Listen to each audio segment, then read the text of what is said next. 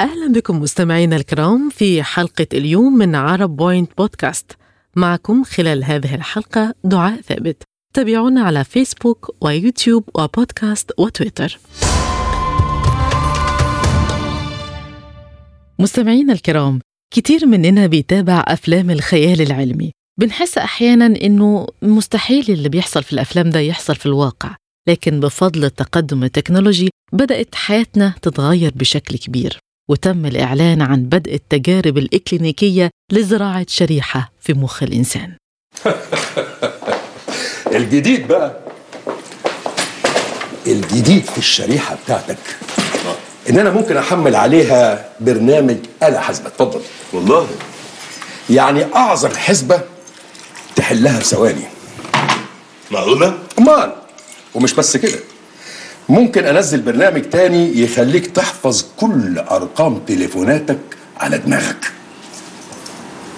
أحفظ أرقام دول يعني دليل الهاتف يبقى على دماغي؟ شركة نيورالينك المملوكة للملياردير الأمريكي إيلون ماسك أعلنت إنها حصلت على الموافقة من إدارة الغذاء والدواء الأمريكية على تجربة زراعة شريحة إلكترونية في دماغ بشري. الشركة عبرت عن حماسها للموضوع وقالت إن تجربة الشريحة بيمثل خطوة أولى مهمة هتسمح في يوم من الأيام بمساعدة أشخاص كتيرين.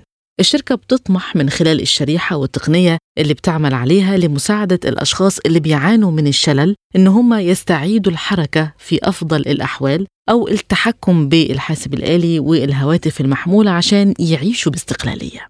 أنا دلوقتي نزلت شوية معلومات تقريبا ربع السجل المدني لمصر كلها.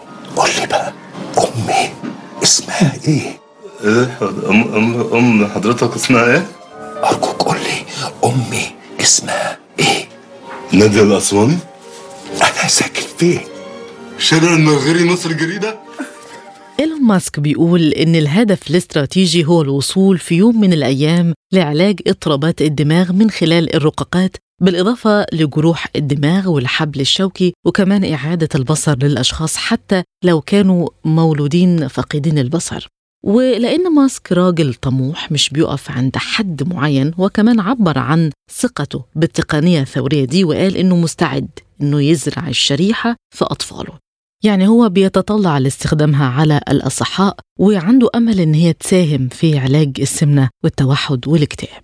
المعروف إن إدارة الغذاء والدواء الأمريكية كانت رفضت قبل كده تجربة الشريحة على البشر بسبب وجود مخاوف من خطورة بطارية الليثيوم المدمجة وشددت على إجراء اختبارات على الحيوانات لإثبات أن البطارية غير معرضة للعطل وبالتالي لن تلحق ضرر بأنسجة الدماغ.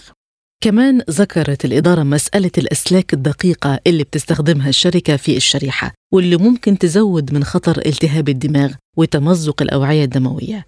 كان في خلافات حوالين تجارب الشركة على القرود ومن أكثر من عام كان في عرض علني وظهر قرد بشريحة دماغية ومارس لعبة كمبيوتر من خلال التفكير بمفرده. لكن مجموعة من الأطباء قالوا إن العرض ده مش بيحكي القصة كاملة. وإنه السجلات العامة أظهرت وجود ما تم وصفه بتجارب قذرة على حيوانات تسببت لها في التهابات مزمنة ونوبات صرع وشلل ونزيف داخلي وتدهور في الصحة النفسية قبل ما يتم قتلها في النهاية. خلونا نسمع رأي المختصين حوالين هذا الموضوع. خبير تكنولوجيا المعلومات رولاند أبي نجم كلمنا عن التجربة وإمكانية نجاحها.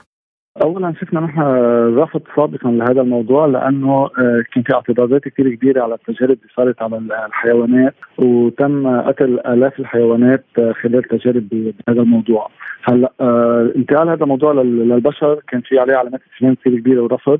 فجأة رجعنا لقينا قبول لهذا الموضوع. فكمان تبين في كثير علامات استفهام على هذا الموضوع. هلأ مثل أي شيء مثل أي تكنولوجي دائما في لها حسنات وسيئات. أكيد هذه التكنولوجي رح تساعد أشخاص يمكن فاقدين الأمل بكثير أشياء من ضمنها آه، فاقدين الأمل بإنه يقدروا يحركوا الأطراف تبعولهم كان إيديهم أو إجريهم أو فاقدين القدره إنه يمشوا وغيرها. وخاصة بلشنا نشوف يعني مع كل سلبيات الذكاء الاصطناعي عم نشوف له حسنات كثير كبيرة بيناتهم في أشخاص بلش عم بيقدروا يمشوا بلشوا عم يتحركوا. لأنه بطبيعة الحال الجسم الانساني اللي بياخذ أوامر من الدماغ تيقدر يحرك إيديه أو إشياء أو غيره. لما بطل الدماغ قادر يقدر يبعث هول الرسائل ليتحركوا الأطراف هول التشيب اللي عم يزاون إيلون ماسك بالدماغ بيقدروا بمحل معين يبعثوا هذا الرسائل ويرجعوا يحركوا الأعضاء تبعولهم. بس بطبيعة الحال يعني هول المواضيع مثل أي شيء بس يبلشوا يتجربوا كمان رح يبلش يبين حسناتهم وسيئاتهم على الإنسان. وهون بدنا نشوف قد إيه رح يكون في لهم خطورة. ولأن التجربة جديدة ففي مخاوف كبيرة متعلقة بالموضوع. أول شيء بطبيعة الحال كل المخاوف اللي ذكرتيها هي فاليد وطبيعية. وحتى قد ما تجربي تيجي تقولي إنه أنا بمحل معين هول بدي آه بدي أعالجهم. يعني نحن إذا بناخذ الأمور من منظار آه أبسط شوي. يعني نحن بنشوف أوقات بيتم زرع أعضاء آه عادية مش عم نحكي أعضاء فيها ذكاء صناعي أعضاء بجسم الإنسان. ما بتتماثل للجسم للعظم لغيرها من هذا وما بتنجح العمليات. ف وهول الأشياء مش دائما يمكن إذا بدك يبين الفيدباك تبعولهم بدها وقت تيبين وتبين نتائج. بس النتائج هالمرة رح تكون كثير مدمرة لأنه ممكن النتيجة خاطئة تؤدي لوفاة إنسان. وهون منه موضوع يعني حتى شفنا حيوانات ماتت بهذه التجارب. وطبيعة الحال بكرة بمحل معين بس يبلش تجربتها على الإنسان أكيد رح نسمع بحالات وفاة لعالم هن عم بيعملوها بس هون كمان بدنا نوضح شغله إنه في يمكن أشخاص معينين هن رح يكونوا موافقين لأنه أكيد ما حتتجرب على الإنسان إلا ما يكون شخص هو طالب وهو بده أو حتى عائلته أو شيء. في أشخاص يمكن بمحل معين فاقدين الأمل ومعتبرين إنه بمحل معين إنه آه، أنا مش نافع حياتي إذا ما كنت قادر أمشي أو أتحرك أو شيء فممكن تعطيهم امل بس بنفس الوقت بالنهاية أي chip أي شريحة طالما هي بمحل معين هاي شريحه إلكترونية وموصولة يمكن على الإنترنت وعم بيتم إدخال فيها بيانات وعم بيتم آه، كمان آه، بدك تعملي لها charging remotely كتقدر تزوديها بالطاقة وبالكهرباء وهيك. أكيد رح يكون في لها مخاطر من الاختراقات وغيرها ومخاطرها مش بس بالاختراق بموضوع إنه ال data أو كمان اختراق إنه أنت شو عم تدخلي لها data شو عم تعطيها معلومات شو عم تعطيها معلومات تتحكم بهذا الإنسان. يمكن بكرة هذه الشريحة تيجي تقول له شيل فرد وقوس على حدا أو ضروب حدا أو اذي حدا. أو نط أنت من آه، من طابق عالي أو وات هول كل الأمور واردين إذا آه، صرنا بمحل معين الشريحة مزروعة بالرأس بس إنه نحن مش ما عم نكون عم نقدر نتحكم فيها إذا كنا بنتكلم عن أهمية التجربة لعلاج حالات مستعصية فإيه اللي يخلينا نستخدمها مع الأصحاء؟ أم إنه ماسك بيحاول تحكم والسيطرة على عقول البشر وتوجيههم؟ هلا إذا بدي أحكي بواقعية بعيد عن نظريات المؤامرة، أول شيء رح نحكي كيف موضوع الأصحاء بيستخدموها لهيدي وليه شو أسباب استخدامها، شفنا إنه بمحلات معينة آه، اعتبروا طالما أنا بقدر أحرك أعضاء ما عم بقدر أنا أحركها بأصابعي أو إجري أو يدي أو غيرها، أنا قادر أعمل شيء بنسميه extension يعني أعمل إضافة، يعني أنا مثلا بدل ما يكون عندي إيدتين بعمل إضافة لإيد ثالثة وبقدر بتحكم بهذه الإيد الثالثة عبر الذكاء الاصطناعي، أنا فيني أعمل إجر ثالثة أو إجر رابعة بقدر بمحل معين أعملها. بقدر ازيد أصبع زيادة على إيدي وبقدر بمحل معين أقدر أتحكم فيها. so هول الإضافات يعني نعتبر طالما أنا بقدر احرك أعضاء ما عندي قدرة أحركهم. يعني أنا بقدر ازيد أعضاء واحركهم عبر الذكاء الاصطناعي وعبر هذه ال chip أنا ما كنت قادر already أحركهم قبل. so this is number 1 number 2 كمان في البعض عم يقول طب ما أنا طالما قادر أنا خزن آه، شريحة برأس الإنسان وخليه هو يقدر يستعملها ويقدر يتحكم بالكمبيوتر ويقدر يتحكم بكل شيء، فأنا بالنهاية الذكاء الاصطناعي وال data وكلها هي موجودة ب system وبشرائح مماثلة، ولا كنا بنعرف موضوع ال nanotechnology and so on، فبدل ما يكون الإنسان بحاجة يشتغل على لابتوب أو يشتغل على ايفون آه، أو أي شيء smartphone وياخذ منه المعلومات وات نقدر نخزن له هاي المعلومات بهذه الشريحة، ساعتها هذا الشخص بيكون عنده كل المعلومات اللي بده إياها موجودة براسه، بس هون ساعتها بنرجع بنقول إذا وصلنا لهذه المرحلة صاروا كل العالم مثل بعض وعندهم نفس المعلومات ونفس ال data ونفس هذا. شو ساعتها بيميز إنسان عن الثاني؟ فكمان هون في علامات استفهام كثير كبيرة بهذا الإطار. في فيلم The Terminal Man عام 1974 بيحصل الرجل على غرسة دماغية عشان تساعده في نوباته. العملية بتبدو ناجحة في البداية لكن الأمور بتسوء لما بيتسبب التعرض المستمر للرقاقة في هياج ذهني. The second of the three releases is The Terminal Man. The computer will be powered by an atomic power pack implanted in his shoulder. Stroke number one is lateral 48.1, coronal 21.5. A computer expert who agrees to undergo experimental surgery. It's like a roller coaster. Once you start it, you can't stop it. ما كان خيال أصبح حقيقة إيه مصير التجربة دي على أرض الواقع؟ نسمع رأي خبير تكنولوجيا المعلومات أشرف العميرة يعني هذه التجربة قد جربت من قبل على الحيوانات. كانت هناك بعض الملاحظات للغذاء والدواء الأمريكية آه، ملاحظات حول مثلا السلامة ملاحظات حول آه، البطارية المرتقى وإمكانية أن يحدث هناك عطل أو تسرب للمواد إلى الدماغ. وطبعا هناك كان ملاحظات كبيرة قامت يعني شركة نورولينك في حلها. فالآن أعتقد أن يعني منظمة الغذاء والدواء موافقة على أن هذه العملية سليمة، لا أعتقد أن هناك يعني أي احتمالية لخطر وإلا يعني ما كانت لتسمح بمثل هذه العمليات، يعني الامكانيه موجودة، هناك أيضا شركات أخرى قامت بتجارب مثل هذه التجربة وتقوم يعني التقنية على قراءة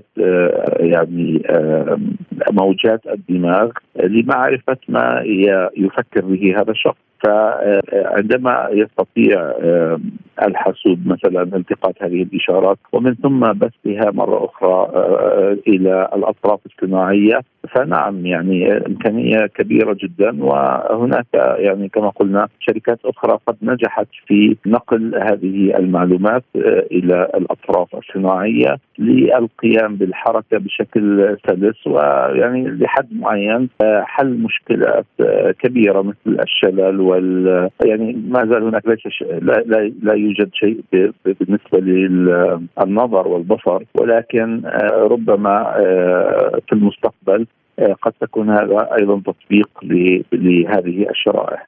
فكرة الدخول لدماغ إنسان حاسة شوية إنها شيء خطير كمان في حال نجاح الشريحة هل هيكون في إقبال عليها يعني تكون زي ما البشر كانوا بيتعاملوا بغرابة مع أي ابتكار جديد بعد كده تكون شيء عادي؟ هناك خطورة طبعا وهناك يعني عامل ماذا سيحدث لهذه المعلومات لكن نحن لا نتكلم الآن عن معلومات خاصة بالأفكار مثلا الإبداعية نحن نتكلم بالرغبات اليومية مثلا الحركة مثلا نقل الشيء مثلا نحن يعني ما زلنا لا نتكلم عن شريحة قادرة على معرفة جميع أفكار الإنسان. طبعا في هذه الحالة سيكون هناك يعني مشاكل خاصة بالأخلاقية ومشاكل خاصة بالبيانات. أين تذهب هذه البيانات؟ نحن لا نتكلم عن الوصول إلى مرحلة تستطيع هذه الشريحة قراءة جميع أفكار الإنسان. ف يعني حاليا ما تقوم به هي معرفة الأفكار الخاصة بالحركة، الأفكار الخاصة بمثلا تصفح الإنترنت، يعني ما زالت لم تصل إلى مرحلة يمكن أن نقول أنها خطيرة بنقل أفكار الإنسان جميعها إلى الحاسوب. أنا أعتقد أن الأشخاص العاديين يعني نظرتي أنهم لن يقوموا باستخدام هذه الشريحة، أنا أعتقد أن هذه الشريحة ستكون يعني مطلب الأشخاص الذين يعانون من مشاكل مثل كما قلنا الشلل العمى ومثل هذه المشاكل. لا أتصور أن يقوم شخص يعني بكامل صحته باستخدام هذه التكنولوجيا. يعني إلا إذا كان يعني استخدامها آمن بشكل يعني يعني كبير وهناك مثلا دراسات كبيرة تشير إلى استخدامها مثلا بنجاح لكن بشكل عام لا أعتقد أن الأشخاص الأصحاء الذين لا يعانون من أي مشاكل سيكونون يعني راغبين بوضع شريحة مهما كانت سلامة هذه الشريحة. الحقيقة إن كتير من الخبراء بيشككوا في مسألة الشريحة دي خصوصا مع ادعاءات ماسك الأكثر غرابة زي السماح للناس بقراءة أفكار الآخرين وحفظ الذكريات وإعادة عرضها واستدعاء سيرتهم عبر الأفكار. يعني كلامه أقرب للخيال منه للعلم الفعلي. طبعا أنا رأيي إن ده مشروع مش من السهل اختباره على البشر خصوصا إن سلامة المريض ضرورة حتمية وإن الدماغ البشري ما ينفعش نتعامل معاه على إنه آلة إلكترونية. ربما يحتاج المشروع لوقت أكتر بكتير عشان نوصل للهدف المرجو منه. خلصت حلقتنا من عرب بوينت بودكاست بشكركم وبشكر ضيوفي خبراء تكنولوجيا المعلومات رولاند أبي نجم وأشرف العميرة. تابعونا على فيسبوك وتويتر ويوتيوب وبودكاست.